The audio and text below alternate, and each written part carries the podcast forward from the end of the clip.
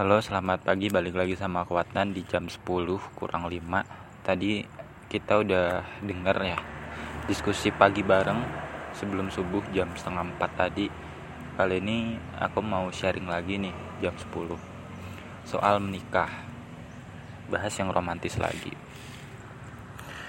Menurutku orang-orang yang udah menikah pasti diliputi rahas, rasa bahagia meskipun setelahnya kadang ada berbagai masalah ya. Tapi secara, secara sederhana gini yang aku pahami dari orang-orang yang udah menikah. Terlepas dari usia berapa orang memutuskan untuk menikah ya. Terlepas dari konsep jodoh itu bagaimana aku pikir orang bahagia karena menikah. Ya pasti ada lah nikahnya ya karena dijodohkan atau nikah benar-benar murni karena itu jodohnya. Intinya nikah itu bahagia suatu proses yang membahagiakan kedua belah pihak.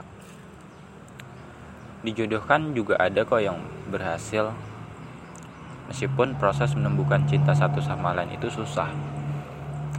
Yang berjodoh pun ada yang berhasil sampai sekarang bahkan puluhan tahun contohnya orang tuaku. Terus gimana? Orang yang cerai terus nikah lagi apakah itu jodoh? Nah di sini mungkin definisiku mulai berubah ya.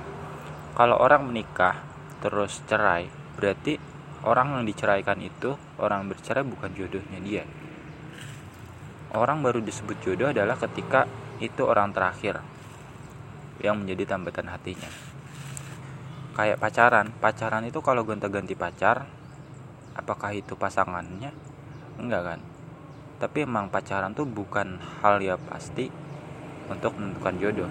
Jodoh itu sangat-sangat misterius dan rumit untuk menentukan atau menemukan jodoh kita. Jadi cukup aneh ya definisi jodoh itu sebenarnya seperti apa. Tapi yang aku pahami seperti itu. Terus nikah yang bahagia itu gimana? Nikah yang bahagia itu bukan berarti pernikahannya nggak ada masalah sama sekali. Pasti banyak bukan soal masalah atau nggak ada masalah tapi soal bagaimana mereka berdua pasangan itu cowok ceweknya menghadapi masalah itu bersama-sama. Bukan dengan saling menyalahkan cari kambing hitam bukan. Banyak loh orang yang bercerai hanya karena masalah.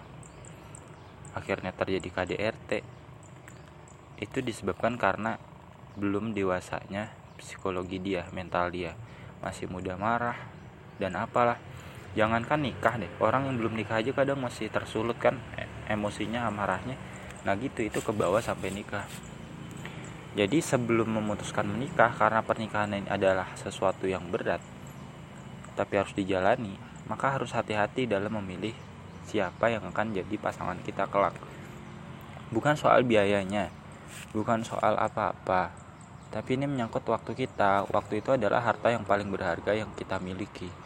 Kalau kita menghabiskan waktu untuk selalu mengenal banyak orang tapi kita nggak pernah milih, ya sia-sia hidup kita. Tapi kalau kita terlalu mudah memilih, kita terlalu gonta ganti pasangan, waktu kita juga akan habis. Jadi tetap hati-hati, waspada. Ketika kamu udah punya sosok yang tepat, ya udah nikah aja, lamar.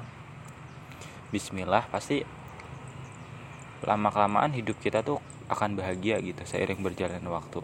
Pernikahan itu bukan akhir dari jomblo kita tapi pernikahan itu adalah awal dari perjalanan yang sangat panjang.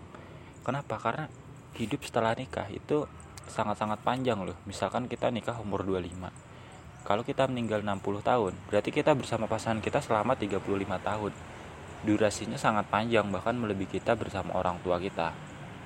Jadi aku juga berhati-hati sih untuk mencari sosok ini.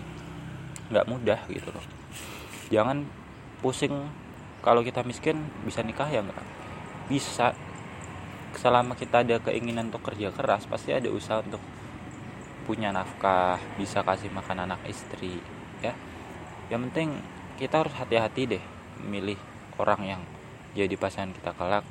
Bibit bebet bobotnya itu harus pasti gitu dari keturunannya nasabnya hartanya agamanya yang paling penting. Ahlaknya juga